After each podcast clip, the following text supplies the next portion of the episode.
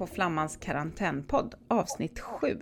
Vi har i coronapandemins spår startat något som vi kallar för Karantänpodden.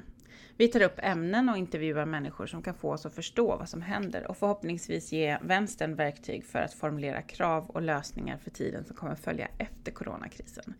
Jag heter Anna Herdy och jag är chefredaktör för Flamman. Och jag har idag med mig Markus Larsson från tankesmedjan Balans. Hej Markus! Hej! Hur är läget? Är du symptomfri? Jag är helt symptomfri och har varit ända sedan dag ett. Wow! Eh, Så, ja, så att jag hade egentligen inte behövt sitta i karantän och ha den här podden, men, men eh, nu har vi det ändå. Nu har vi det ändå, exakt. Mm. Eh, vill du berätta lite för lyssnarna om vad du gör på Tankesmedjan Balans och i allmänhet kanske? Mm. Ja, vi är ju, eh, tank, det är jag och Åsa, min kollega, som under några år nu har läst väldigt, väldigt många budgetar Mm. eh, från, väl, från välfärden och eh, försökt att beskriva för människor att det står någonting i de där budgetarna eh, som påverkar verksamheten väldigt mycket. Mm. Ehm, och, och då är det väl främst de här kraven, uttalade eller outtalade, på att effektivisera eh, vården, skolan, omsorgen som, som vi har fokuserat på. Mm. Ehm, och vi drog igång för tre år sedan och så, vi har liksom inte haft någon direkt strategi utan vi har bara kört med, med sånt som vi tycker är viktigt och kul. Mm. Och så har det växt lite grann och nu, nu tittar vi på andra saker. Rosa gör lite, jag har gjort lite rapporter och jag skriver en bok om marknadsskolan. Och, eh, så, så det är tankesmedjan. Den, den, den tar sig liksom inga bestämda former som den måste vara utan det blir det vi känner Mm. att den ska vara. Det är ju Så. väldigt befriande tycker jag med världen, eller liksom Sveriges minsta men kanske mest effektiva Ja, vi- och, och inflytelserika tankesmedja. Det är, väldigt, det är väldigt härligt att följa ert arbete tycker jag. Ja, tack. Mm. Eh, Vi tycker nog också själva att det är väldigt befriande att inte... Vi har liksom ingen som bestämmer över oss. Om vi, det, det, eh, vi finansieras av att folk skickar pengar och Mm. skulle vi börja göra dåliga grejer som inte folk vill ha, då kommer det inte komma några pengar. På sätt och vis är man ju inte oberoende där. Men, ehm, men det finns ingen annan sådär som säger nu ska ni göra det här. Mm. För att det har vi bestämt. Nej men det finns ju helt uppenbart en efterfrågan för exakt det ni gör och folk är beredda att betala bra för det. Eller liksom Ja, bra ja, det bra, men det de har i alla fall. Mm. Ja, och det kan jag säga, det, det var, fanns inte med i våran tanke när vi, Mm. när vi drog igång. Va? Utan vi, första delen, första åren, Mm. två, så är det var nästan 100% ideellt. Mm. Och så sen har det, ja, nu har, nu har det växt och det kan Mm. vara det skrämmande i sig men också roligt. Mm, mm. Ja men det är häftigt att följa i alla fall. Eh, Det ska bli roligt att prata med dig idag. Vi ska prata om situationen i skolan under coronakrisen och kanske framförallt hur det ska bli efter coronakrisen. Men jag tänkte vi kunde börja där lite för situationen eh, för lärarna och kanske också i viss mån eleverna. Eh, Du skrev en text eh, på, eran, på tankesmedjanbalans.se med rubriken Är distansundervisningen här för att stanna? Vill du Mm. berätta lite om den? Eh, nej, men den, den är väl egentligen en, en sammanställning av hur olika organisationer eh, ser på den distansundervisning som just nu är i gymnasieskolan. Mm. Eh, och där eh, representanter för SKR, alltså eh, skolornas, eh, de kommunala skolornas eh, organisation Mm. i det här fallet då, och Friskolornas riksförbund och några, några friskolor är väldigt, väldigt positiva och ser, Mm. ser de tittar ut på alla skolor och lärare och ser framgång. Mm. Och, och så pratar man med lärare, Mm. som ju jag gör ganska mycket på Mm. olika sätt, och så ger de en helt annan bild. Eh, de säger att ja, vi trodde att det skulle gå sämre. Eh, I början gick det okej, Mm. men nu börjar det kännas tufft och att man är väldigt orolig för att en del elever som behöver mycket hjälp helt enkelt inte klarar det. Eh, och så handlar inlägget lite grann, tittar jag tillbaka då på vad främst SKR har skrivit innan coronakrisen. Mm. Eh, och att där har man, man har liksom intecknat eh, ganska stora effektiviseringsvinster via digitalisering och man nämner just distansundervisning som, Mm. som ett sätt som kan spara de här pengarna. Så att det, det blev ju jackpot då. Mm. Mm. Nej, men jag kände det när jag läste texten, de här citaten från eh, akademi... Nej, vad heter de? Academedias mm. Eh, VD. Att det är liksom, det är nästan som man ser dollartecknen i hans ögon. Sådär. Måste ja, det inte ha lika mycket liksom eh, lokaler och alltså det blir som att man ser hur de tänker kring eh, liksom mm. kostnader. Och, och, en intressant sak, jag hade en diskussion igår på, på det här sociala mediet Twitter mm. med några lärare och rektorer. Mm. Och, eh, det är väldigt svårt för ambitiösa lärare, ambitiösa rektorer att acceptera att de som styr tänker i de här termerna av lokal, minskade lokalkostnader, mm. kanske minskade matkostnader, mm. minskade lärare. Det, mm. det, är så långt ifrån det de själva tampas mm. med så mm. det blir nästan jag kan nästan uppleva att de blir lite provocerade när jag mm. återger mm, hur, mm. och det förstår jag, jag det är fullt förståelse för det. Um, men skillnaden är så enorm, inte bara i hur man uppfattar hur det går utan även vad man vill ha ut utav den här distansundervisningen. Nej, men för att eh, dels så kan man väl säga att det måste ju ha skett så otroligt fort. Bara på några dagar så ska du ställa om eh, gymnasieundervisningen ganska sent in i terminen också. Mm. Eh, det måste ju vara en enorm omställning bara det, tänker jag. Ja, det, man kan säga att det är väl tur att det är ganska sent in mm. i terminen. För, mm. eh, framgången hade nog inte varit lika, om det nu är en framgång, mm. resultaten hade nog inte varit lika eh, okej okay mm. om man hade fått sätta igång med, med första klassare på gymnasiet i, i, augusti. Mm. Utan nu har ju lärare, de vet, lärarna vet ju om lite grann vilka elever det är som kommer att tycka att det här är extra svårt och mm. kanske också vilka som kommer tycka att det här funkar bra. Um, men visst, jag vet inte om det var tre dagar eller något mm, sånt som, mm. som, man hade på sig. Mm. Och det är ju, jag menar, det är ju en situation som nästan ingen i arbetslivet ställs inför. Eller liksom att, att helt och hållet göra om Nej. hela sin eh, det man håller på med liksom, på ett helt annat sätt. Jag läste, det här, det här har ju varit tecknats då positivt av en del som är, är för det här. Mm. Som det stora språnget så mm. att man, mm. man var tvungen att göra det så fort, vilket då kanske var eh, Annars hade det aldrig skett mm. om, om man inte hade varit tvungen att göra det så här fort och inte tänka över är det här bra eller dåligt utan var tvungen att göra det. Mm. Eh, så hade man inget val. Mm. Jag tror att när jag har läst en del om SKR, hur de har resonerat, mm. så har de sett framför sig en ungefär 1% effektivisering via digitalisering, AI, distansundervisning per år. Mm. Och, och, här, här går det ju på tre dagar. Ja, så, nej, så och gör man hela förändringen. Mm. Nej, men, och det är väl en sak att prata om att det behövs det där språnget när man pratar om typ flyget. Alltså det är en sak så här, en, en, mm. en, en bransch som är eh, på nedåtgående för att den är liksom otidsenlig. Och helt plötsligt så stoppar bara flygtrafiken totalt, vilket sätter massvis med flygbolag i en helt ny situation.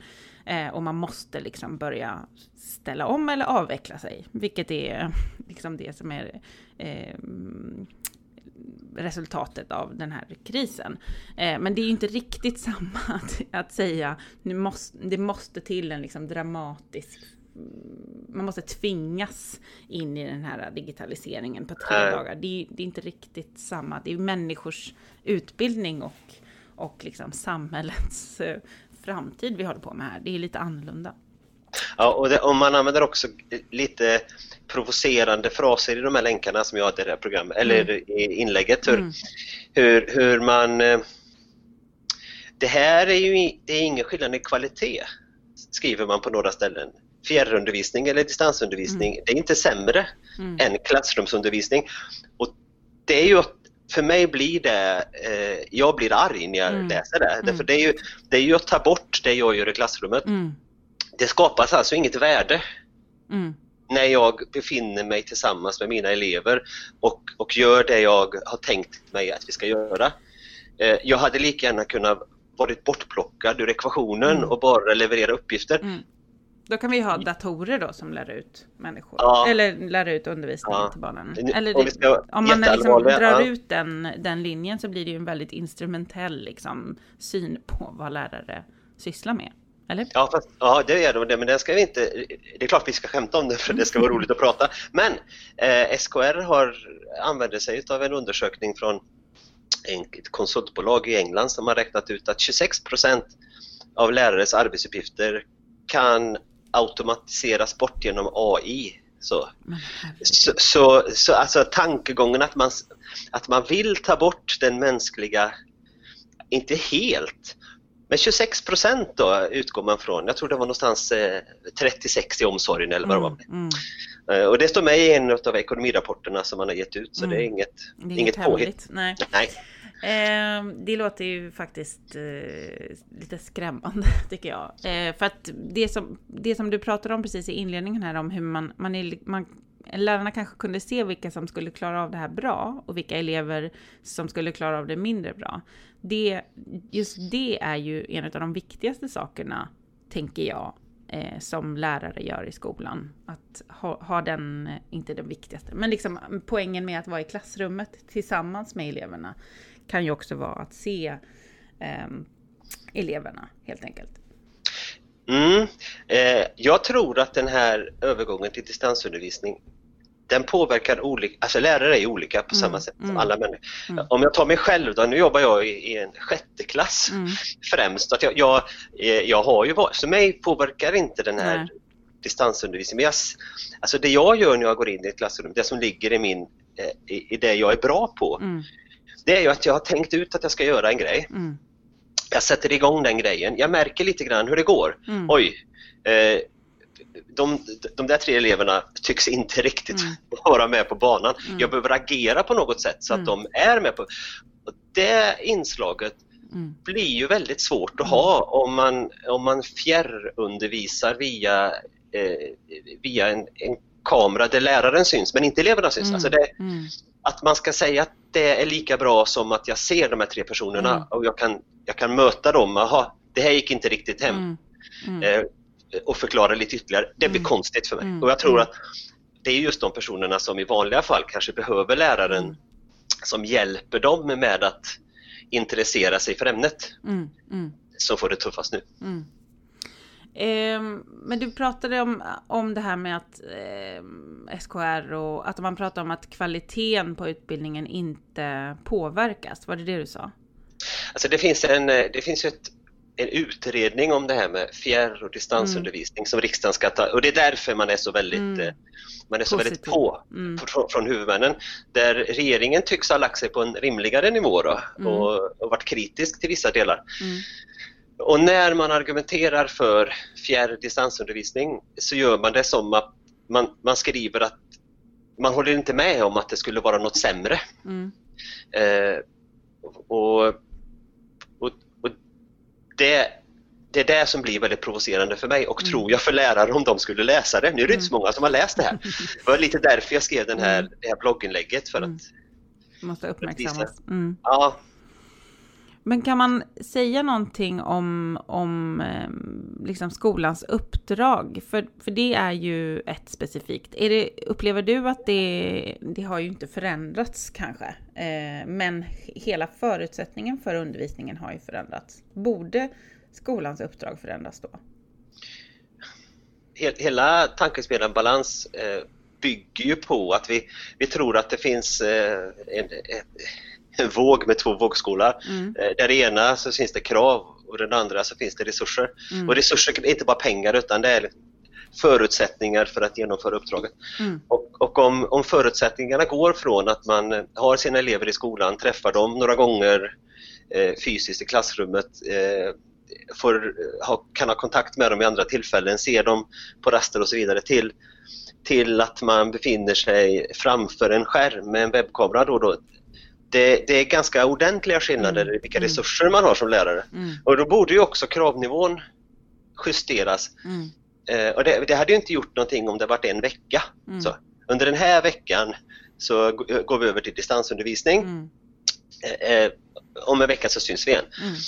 Men det här blev ju inte riktigt en vecka och nu, nu pratar man ju, universitet börjar prata om att man ska hålla stängt även höstterminen delar utav Alltså det, det, det, det finns liksom en gräns när när faktiskt det börjar, den här ökade arbetsbelastningen som många lärare säger sig uppleva också blir ett hälsohot. Mm, mm.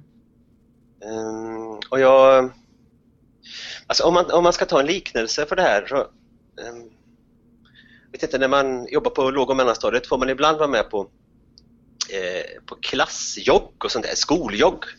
Och då Ja, står det ju, eh, eh, du kanske minns själv när Ja, man var liten. Så.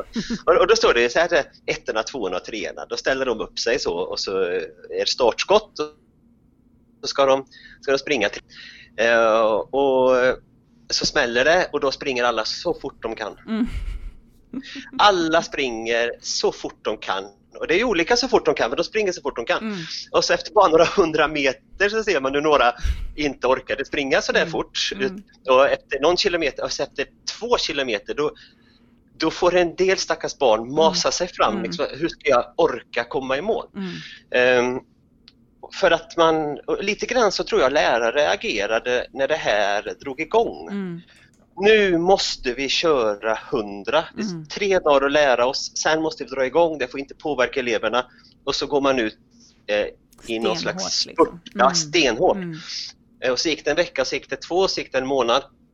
Och, och så känner man att oj, det är fortfarande ganska långt kvar. Va? Och så börjar prata om, man börjar höra, men det kanske kommer fortsätta det här efter sommaren.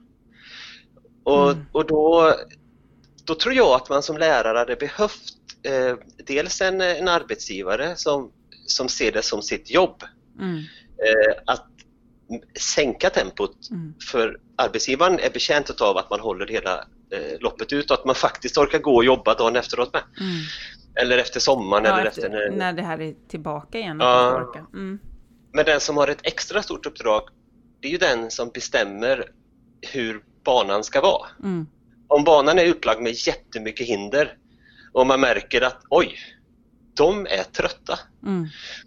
Då får man se till att ändra banan Mm. så att det tas bort några hinder. Och det, hinder blir ju krav i det här fallet. Och det har ju varit totalt, ja det försvann något nationella, nationella proven, det var ju en förändring som gjorde. Mm. Men i övrigt så, så verkar det som att regeringen inte har, är så sugna på att ändra på några krav utan man säger nej men vi kan inte förvänta oss lika hög kvalitet. Mm. Fast de där Vad lärarna som, då? Ja, de där lärarna som, som gör sitt allra bästa för eleverna, de skulle behöva tydliga riktlinjer. Med det menar vi det här. Mm. Mm. Eh, ni behöver inte bry er om undervisningstiden minskas. Ni behöver in, alltså, nu pratar man om att ska, Mm. man ska jobba på sommaren Mm. eller på, lo, Mm. på helger och sådär. Det, det blir ju, du, du springer det loppet och så Mm. får du höra, nej, det är inte tre kilometer, det blir fyra kilometer. Mm. Och när du så- redan har gått omkring och siktat mot tre kilometer så blir ju eh, vetskapen Ja. att det är, fan, det är Ja. en kilometer till. Det är Precis. Ju, det är ju döden. Ja, nej men det, det, och, och, och då får man det resonemang som jag försöker föra då, det är att man behöver inte, man fokuserar mycket på vilken kvalitetsförlust får vi här och nu. Mm. Ja, men vilken kvalitetsförlust får man över, över tid? Mm. Om, om vi har ju redan lärarbrist och redan en Mm. ganska hög sjukfrånvaro hos lärare Mm. och rektorer framförallt. Mm. Eh, hur kommer de må? Mm. Eh, Hur många fler kommer gått in i väggen liksom? Ja. Mm. Eh, och, och det här är ju lite grann utav eh, den här effektiviseringsstyrningen. Det lämnar liksom inget utrymme till att tänka så där långsiktigt. Nej. Nej. Utan det, det blir hela tiden, men nu Mm. i ekonomiska termer, det här kvartalet Mm. måste vi gå, gå noll. Mm. Eller eleverna som, är- men det är nu de har rätt att nå så långt som möjligt Mm. eller få sin undervisningstid. Mm. Sen om det påverkar vad som sker i framtiden, ja, men det, Mm. Det ingår inte riktigt i ekvationen. så. Men för det jag tänker är att allt det här ställs ju emot ehm, elevernas, liksom, vad de ska få ut av undervisningen. Om undervisningstiden blir mindre, vad händer med eleverna? Alltså om jag bara tänker på vad, vad politikerna är satta att göra, så är det Mm. att ansvara för den här utbildningen som eleverna ska få. Hur stora blir konsekvenserna? Alltså om man, har man, finns det någon, resonerar de på något sätt så? Hur stora blir konsekvenserna för eh, eleverna om eh, undervisningstiden minskar lite? Jag tror att de resonerar jättemycket så. Mm, Alltså, och det, och det, det är det stora fokuset, att begränsa skadorna mm, här, här och nu. mm, Och det är väl inte konstigt att man, att man tänker Mm. så. mm, Men man får ju också sätta relation till vad, vad är det för... äh, I, I vården och i omsorgen, där avlider folk. Eh, det är ju ett stort, jättestort problem. Mm. Så ska man lösa. Här, här kanske elever inte får den undervisningstid mm. de har rätt till enligt mm. skollagen. Mm. Alltså, det är inte riktigt samma Nej, sak. Riktigt samma. Nej precis, Nej. vad är det vi har att göra med? Jo, det är en ja. dödlig pandemi liksom. Ja. Mm. Då kanske det... inte kraven eh, kan vara lika, eller då kanske inte eleverna kan få samma undervisning helt enkelt. Nej, mm. eh, jag menar ju att även utan en pandemi mm. så borde utbildningsministern och regeringen och slutligen då riksdagen ta beslut som minskar kraven på skolan eftersom mm. man vet vilka stora nedskärningar som görs. Mm. Så, så, men, men den, här, den här tanken att man ska Eh, det finns en väldigt stark framgångstanke i hela, liksom, hela samhället. Mm. Allt ska hela tiden bli bättre. Mm, mm, mm, Samtidigt som allt också ska bli billigare. Mm. Ja, det är en omöjlig ekvation. Mm. Ja, svår i alla fall. Nej men och kan, du skickade en väldigt bra länk till mig som sammanfattade också det som lärarfacken säger i den här, alltså de har ju den här, det som du du har redogjort eh, för här om, om att man tycker att det, det är inte är tillräckligt tydligt från Anna Ekström när hon säger ja men mm. det är klart att ni eh, vi förstår att man inte kan ha exakt samma undervisning. Men vad betyder det? Är det det som är lärarfackens... Liksom? Ja, eh, det finns nog de på lärarfacken som tycker att jag och Åsa bara skäller på dem. Mm. eh, och kan man väl kanske lite... Den, den uppfattningen kan jag ibland förstå för att det, vi har haft lite... Här måste jag säga att lärarfacken har eh, hanterat den här frågan väldigt, väldigt bra. Mm. Eh, man, eh, man har skrivit en, ett antal debattartiklar, varav den här som du har läst då, mm. Eh, är den senaste. Mm. Och det kommer säkerligen komma fler va? Där, man, där man sätter det sin, på sin spets. Va? Mm. Vad är det du menar? Mm. när du mm. säger att vi ska... Nej, men man, ska, man kan inte tänka... Det är klart att det får effekter. Vi ska inte tänka så mycket på och så vidare. Mm. Ja, men vad är det du menar? Vad är det vi ska göra mindre av? Ja. Mm. Ja, men det, är ju, och det, det tänker jag är en viktig, alltså om man nu ska se den här podden som också vad vi i vänstern kan, eller jag tror att många delar, eh, eller det som jag försöker göra med den här podden i alla fall, att försöka se på olika delar i arbetslivet och vad man kan liksom som opinionsbildare och som liksom aktiv vänstermänniska eh, hjälpa till. Och jag tänker att det är en, en specifik sån sak, att så här, eh, backa facken i den här frågan när man faktiskt ställer helt rimliga frågor om vad är det som ska, vad är det, vad är det vi inte ska göra då? Om ni säger att mm. kraven ska bli, bli lägre på oss, vad är det ni vill att vi tar bort? Ja, och här, här eh, är jättespännande just med, med vänster och höger här. Mm. Vi, vi brukar ju få ganska mycket eh, stöd från, från vänsterhåll, inte lika mycket även om det finns mm. från högerhåll. Och den här, alltså den här frågan med krav, den är lite känslig för vänstern upplever jag. Man, man vill, gärna, man vill gärna gå ut med att eh, allt ska bli, vi ska satsa. Det ska bli bättre. Mm. Eh, men det får också kosta, vilket ju skiljer mm. kanske lite grann eh, högersidan då åt att mm. där, där använder man av samma, klart det ska bli bättre, men kanske inte är beredd att betala för det. Mm. Mm. Medan eh, min egen personliga uppfattning kanske är att eh, det finns saker som man kanske måste vara ärlig med. Att det, mm. det här måste även tas bort. Mm. Mm. Och, och här lägga det... mer och mer och mer saker på skolan för att det, det håller inte. Eller det är inte Nej. någon till för. Nej.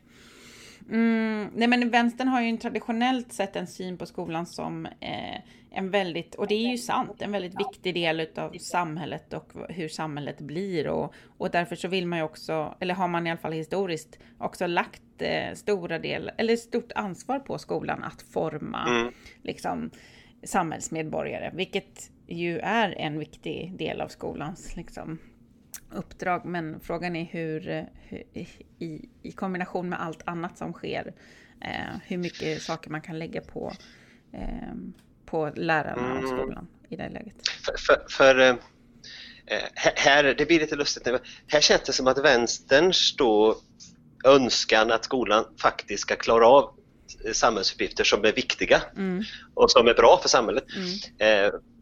Man, man hamnade lite tillsammans då med, med hela kundmentaliteten mm. mm. i skolans värld som också är att kunden förväntar sig um, nu kommer jättemånga bli arga på mig för att jag pratar om kunder men en, under ett annat program kan jag motivera varför mm. jag gör det. Mm. Eh, att de, föräldrar och elever, framförallt föräldrar, förväntar sig hela tiden mm. att skolan ska ta över mer och mer utav, mm.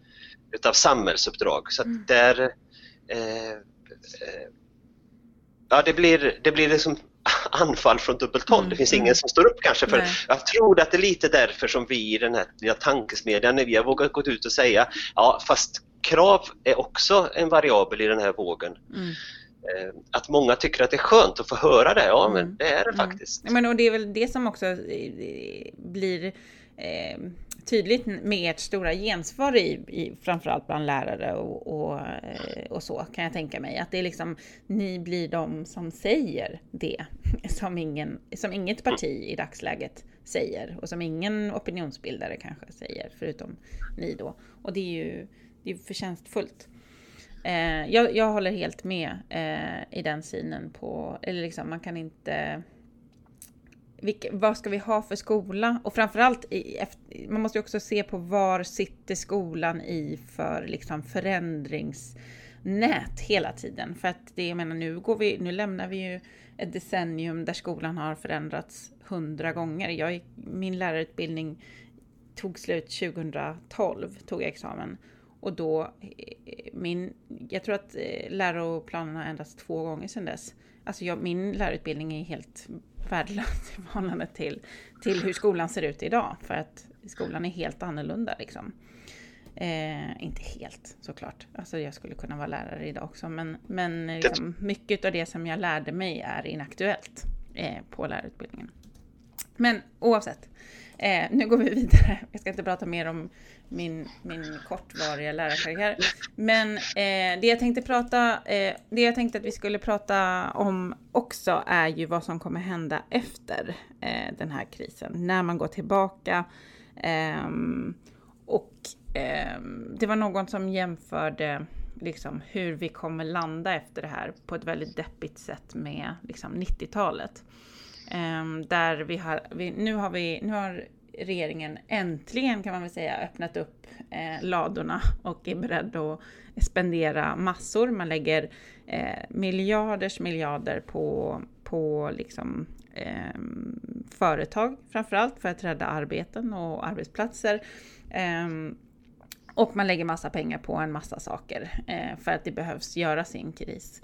Eh, men vad händer sen? Det är ju det som många av oss går omkring och är oroliga för nu. För att vi är inte direkt inne i en, i en vänstervåg där, där regeringen och Magdalena Andersson kommer säga det är okej att vi har den här jättehöga statsskulden igen. Ehm, eh, det, vad har du för tankar kring vad som händer efter? Um, ja, nej men den här eh, ödesmättade 90-talsjämförelsen är väl fullt relevant. Eh, eftersom även utan coronakrisen så hade den fungerat. För vad var det vi hade då? Jo, då hade vi en, en kraftig ekonomisk kris eh, och en lågkonjunktur hade vi nog haft även utan coronakrisen. Det var ju liksom intecknat. I, mm. hade, vi har även kraftigt ökade kostnader för demografi eh, mm. i skolans värld. Fler och fler barn och elever mm. som då ska och ett som kräver väldigt mycket skolbyggnader till mm. exempel. Mm. Så vi har kommuner som som är inne i en period där de måste ta jättemycket lån för att bygga skolor mm. och känner att vi behöver ju ha eh, skatteintäkter för att få in de här pengarna. Mm. Så alltså att, att, eh, att kostnaderna ökar samtidigt som intäkterna minskar, det hade vi haft ändå. Och nu får vi ju en turboeffekt på det. Mm. Ehm, för eh, visst är det så att varje gång det kommer en ny nyhet om att nu, nu har de här pengarna skapats ur ingenstans eh, och ska användas till det här så är nog det underförstått att någonstans, någon gång är det tänkt att de här pengarna ska tillbaka. Och på 90-talet så fick ju eh, välfärden betala det, skolan väldigt mycket. Och om man inte ändrar på synen då lär det väl hamna där igen, att skolan kommer få betala väldigt mycket av de satsningar som nu görs. Mm. Eh, och det hade man nog fått ändå. Eh, läser man budgetar som är helt coronafria Mm. eh, för 2020 så kan man läsa in att polit och det här börjar redan för ett, kanske tre fyra år sedan. Man beskriver det tidiga 2020-talet som vi vet inte riktigt hur vi ska lösa det här. Mm. Mm. Men vi har stora förhoppningar på digitaliseringen. Mm.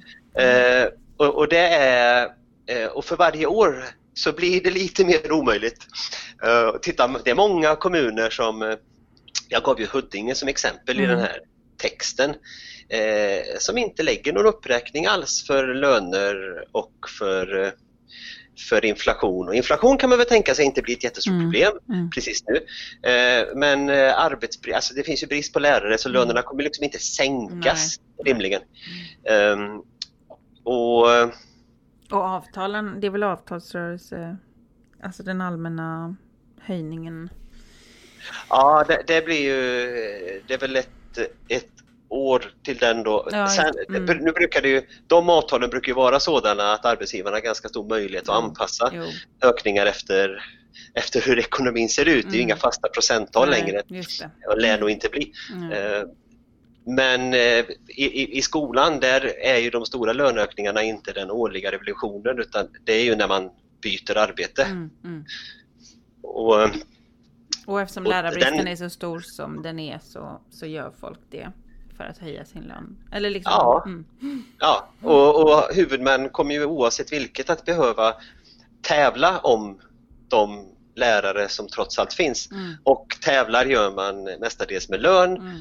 vilket, så det kommer antagligen bli eh, fortsatta löneökningar som inte är kompenserade och verkligen inte är kompenserade i budget. Mm. Så att vi, redan innan corona, om jag bara försöker sammanfatta, redan innan corona så, så såg det ganska dystert ut i, i liksom nedskärnings... Eh, mm, man vill inte säga möjligheten utan nedskärningshoten eh, var redan liksom ganska markanta. Och då kan man lägga, tänk, tänka till det då att vi har nu, nu kommer vi gå in i en, i en period förhoppningsvis ganska snart. Eller liksom snart är den här pandemin över. Då kommer verksamheten förhoppningsvis gå tillbaka ganska mycket till det normala även om huvudmännen gärna vill fortsätta med mycket distansundervisning. Eh, och samtidigt så ska vi då ha en, en socialdemokratisk regering som ska sanera ekonomin. Så kan vi, om man liksom verkligen målar fan på väggen så kommer det ju eh, vara så. Eh, det var väl snarare en ganska trolig Ja. beskrivning. tyvärr, tyvärr. Men, men eh, i, var i tror du liksom det finns någon slags ljusning? Var, var i eh, behöver vi alla lägga vår liksom energi för att eh, och liksom vårt arbete för att eh, det inte ska bli så här? Hur, hur gör man? Eh, det är att här kan man ju jobba med en tankesmedjan balans. Vi, eh, vi tar ju inte riktigt ställning till frågan hur, eh, hur, huruvida man ska eh, byta syn på ekonomi och få Nej. in mer pengar i systemet. Och gör man det, då har man möjlighet att ställa högre krav. Mm. Men om man, om man nu tänker oss att man inte gör det utan det blir den, den väg som du, som du beskrev nyss med att man istället får spara då. Då, Mm. då gäller det ju att hitta ett sätt att göra de nedskärningarna på ett så, så smart som möjligt. Eh, och här blir det väldigt spännande att prata om 90-talet. Hur, hur försökte man lösa eh, den akuta ekonomiska situationen i kommunerna? Jo, man resonerar som så att om, om vi istället har ett brett spektra utav huvudmän som får, eh, som får tävla om elevernas skolpeng och, eh, och effektivisera undervisningen så att man kan eh, minska på skolpengen så kan man ju få ut mer eller lika mycket fast man betalar mindre. Mm. Det där tror jag har lett till att man istället får lägga jätte, jätte, jättemycket resurser på att kontrollera den där marknaden som har uppstått. Så om jag skulle börja någonstans, om jag ska tänka okej nu är det som det är. Vi, eh, vänstern får slåss för skatteökningar och så får högern slåss för något annat. Mm. Men så kom vi fram till att nej, men det blev ändå så att vi måste spara de här pengarna. då hade jag börjat med att titta på hur mycket extra resurser kostar eh, friskolereformen som mm. den ser ut idag. Mm. Med hur, mycket måste, hur mycket måste lärare och rektorer, hur mycket tid måste man ägna på att hålla ryggen fri och visa vi har gjort de här grejerna mm. som kraven har ställt så att vi för att när Skolinspektionen kommer så ska man kunna, ja men vi har gjort de här sakerna. Det räckte inte med att göra dem, man var även tvungen att visa det. Mm. Och varför är det så mycket administration och dokumentation? Ja, man kan inte gärna slänga ut skattepengar till aktiebolag utan att ställa krav, det vore mm. jättekonstigt. Mm. Så eh, hela, hela den här eh, konkurrensen skapar eh, ett behov av att kontrollera skattepengar ämnade för skola går till det de ska. Mm. Så undrar om man egentligen har gjort någon effektivisering på den här konkurrensutsättningen eller om man istället har fördyrat skolan. Mm. Mm. Men man kan inte ta bort funktionen administration dokumentation mm. om man inte tar bort orsaken till att den mm. finns.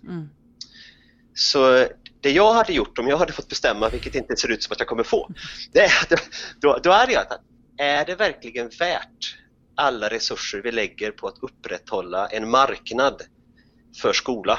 Mm. Eller kan vi använda de resurserna bättre? Och kan vi till och med minska resurser då i värsta fall eh, om vi inte har de pengarna som vi behöver? Kan vi, kan vi ta bort resurser där? Mm. Då kanske det inte blir så stor effekt mm. på skolan. Mm. Men då måste orsaken bort och då mm. behöver man fundera över om det är rimligt att eh, aktiebolagsskolorna och koncernerna framförallt ska få, eh, ska få vara verksamma på skolmarknad. Eh, jättebra. Eh, om du är lite mer konkret, vad innebär det för lärare att, eller liksom om vi tänker, vad skulle det innebära för lärarna att vi helt tar bort det som är liksom konkurrensen i, alltså i den, på skolmarknaden så att säga? Mm. Eh, jag tror att det skulle innebära mycket, mycket större möjligheter för, för till exempel riksdag och regering att säga att de här sakerna har vi inte råd med. Mm. Eh, I nuläget om man skulle säga, då, då kan ändå eh, en fristående eller kommunala skolor säga, ja men vi gör de här ändå. Mm. Det var ett, ett, ett exempel på när man tog bort Eh, skriftliga omdömen för högstadieskolor för ett år sedan. Mm. Så det behöver inte längre göra de här. Mm. Men då blev det en konkurrensfördel att man, mm. att man gör dem, mm. så att många gjorde det fortfarande. Mm. Eh, och, så det jag tror det skulle innebära för lärare utöver många andra saker då, eh, en, en upplevelse av stärkt eh, tilltro till yrket, att, ingen, att man inte blir ifrågasatt som om man skulle sälja någonting. Så tror jag det skulle innebära att uppdraget kan minskas. Eh, vilket det, är svårt nu. Mm, mm. För att det finns, för att det är nästan ingen, alltså upplever du att det är så att de, även om regeringen sa så här, nu kan vi, ni kan sluta göra det här, att det ändå inte skulle bli uppgifter som lyfts från lärarna för att konkurrensen är, är viktigare så att säga?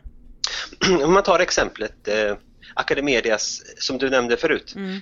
Academedias eh, VD som gick ut och pratade om att eh, hos Academedia så har man upplevt en exceptionell lärkurva eller hur det nu var mm. man uttryckte sig. Mm. Så, så riksdag, eh, Anna Ekström står i ena stunden och säger nej men nu kan vi inte förvänta oss eh, att skolan kan klara lika mycket. Mm. Vilket ju är fullt rimligt att säga mm. Mm. så står ändå Academedias VD och säger ja fast mm. våra skolor där har vi en exceptionell mm. lärkurva. Mm. Vi klarar allt nämligen. Mm. Ja, och nu säger inte jag att det inte är sant, men mm.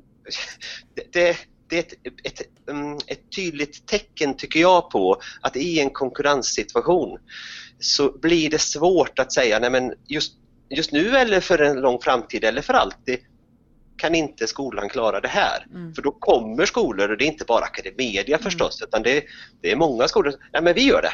Mm. mm. Ja men då förstår jag mer eh, hur du menar.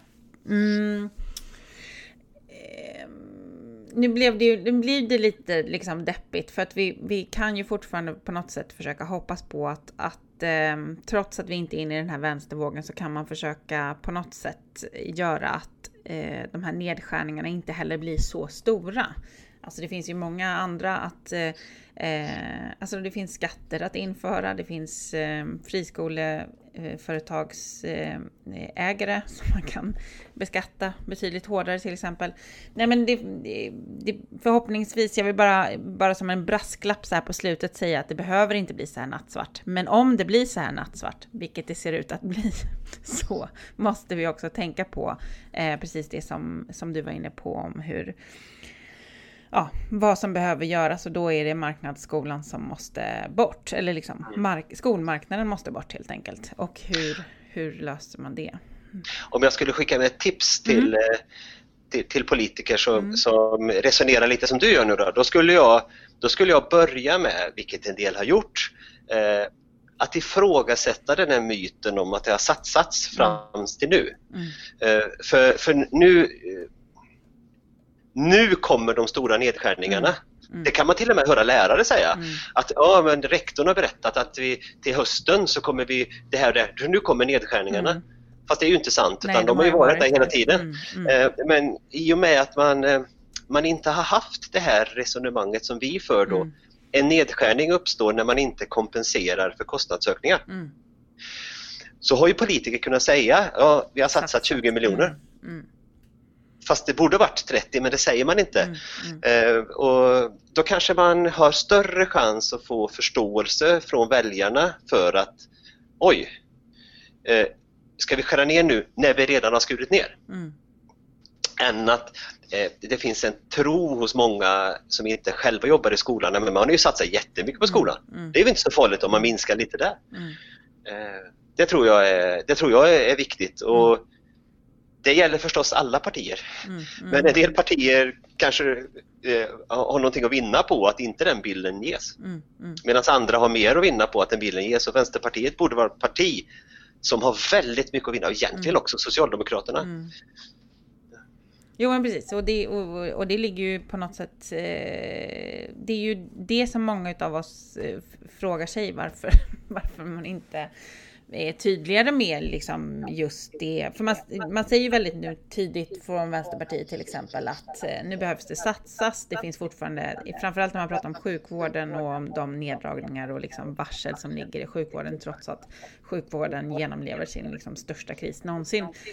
Eh, men man har ju också ett eh, ganska ensidigt fokus just på på liksom eh, förskola. Man pratar ganska sällan om skolan, tycker jag, i, i ehm, i, i retoriken eller i sin kommunikation. Och det kan man väl, det kan man väl tänka att det kommer... Eller en, ett, ett av mina starkaste minnen i alla fall från när jag gick i skolan under 90-talskrisen var ju att vi stod tillsammans med lärarna utanför Stadshuset i Värnamo och liksom demonstrerade mot nedskärningarna. Alltså det är en av mina första liksom, politiska upplevelser någonsin. Och om vi, får, om vi går samma Eh, men en betydligt större egentligen ekonomisk kris till mötes för att människor kommer vara arbetslösa i en, i en betydligt högre omfattning till exempel än vad man var under 90-talskrisen. Eh, vi kommer ha andra saker som kanske inte kommer hända men men det, vi går ju in mot en väldigt turbulent tid och då kan man tänka att skolan är en av de liksom, sakerna som eh, i välfärden som är väldigt viktiga för människor, som människor alltid har en åsikt om för att man själv har gått i skolan och för att man har barn som går i skolan och så vidare. Och så vidare. Um, och då kan man tänka att skolan kommer bli en, en väldigt, väldigt viktig liksom, fråga för väldigt många väljare också. Mm. Eh, jag tror nog personligen att vården och omsorgen befinner sig i ett bättre förhandlingsläge just nu. Mm. Jag tror att många politiker framförallt upplever att skolan har fått sina pengar. Man kan mm. visa på ökade riktade statsbidrag, man kan mm. visa på de här lönesatsningarna som har mm. hamnat åt vissa och, mm. och, och, ökade löner ute i kommunerna som förvisso inte har varit kompenserade. Men man, man kan liksom visa att men titta, vi har ju satsat på skolan. Uh, och, och, så har ju vården och omsorgen ett mycket akutare läge just idag. Så vi får väl se hur uh, hur lärarfack och andra opinionsbildare som fokuserar på skolan främst, mm. nu är inte vi där, men hur mm. andra mm. klarar av att hålla fast vid att man ska satsa är ju förstås fel ord, mm. men prioritera resurser då kan man mm. säga mm. på, på skolan efter det här. Det får vi se. Jättebra, tack Marcus. Eh, jag, min hjärna har liksom vuxit flera centimeter under det här samtalet. Det, det blir trångt där inne men eh, det ska, det ska nog gå bra. Eh, tack så jättemycket för att du ställde upp på, på den här podden och eh, vi följer med intresse eh, ditt och Åsas eh, liv med Tankesmedjan Balans. Eh, man kan följa dig på Twitter och vad heter du då? Ja, då heter jag något, eh, ett gammalt skämt med Skolinspektionen. Då heter jag Skolinkvisitionen. Just det. Mycket bra namn. Mm. Skulle man söka på Marcus Larsson så tror jag att man hittar mig utan det namnet. Ja. Men jättebra. Då kan alla följa dig där och följa Tankesmedjan Balans. Och är det så att man känner att det är eh,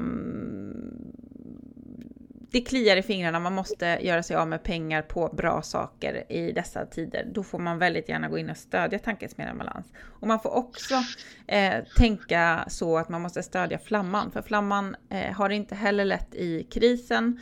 Eh, vi behöver få in betydligt fler prenumeranter och just nu så har vi ett väldigt bra erbjudande där man kan få sex månader eh, Flamman varje torsdag i brevlådan för endast 180 kronor. Så gå in på flamman.se för att teckna en sån prenumeration. Har du något mer du vill tillägga, Marcus? Nej, jag vill tacka för att jag fick vara med. Ja, det var roligt för mig också. Ja, men vad bra. Vad härligt. Då eh, tackar vi för oss och eh, önskar en trevlig helg till lyssnarna. Ha det gott! Hejdå!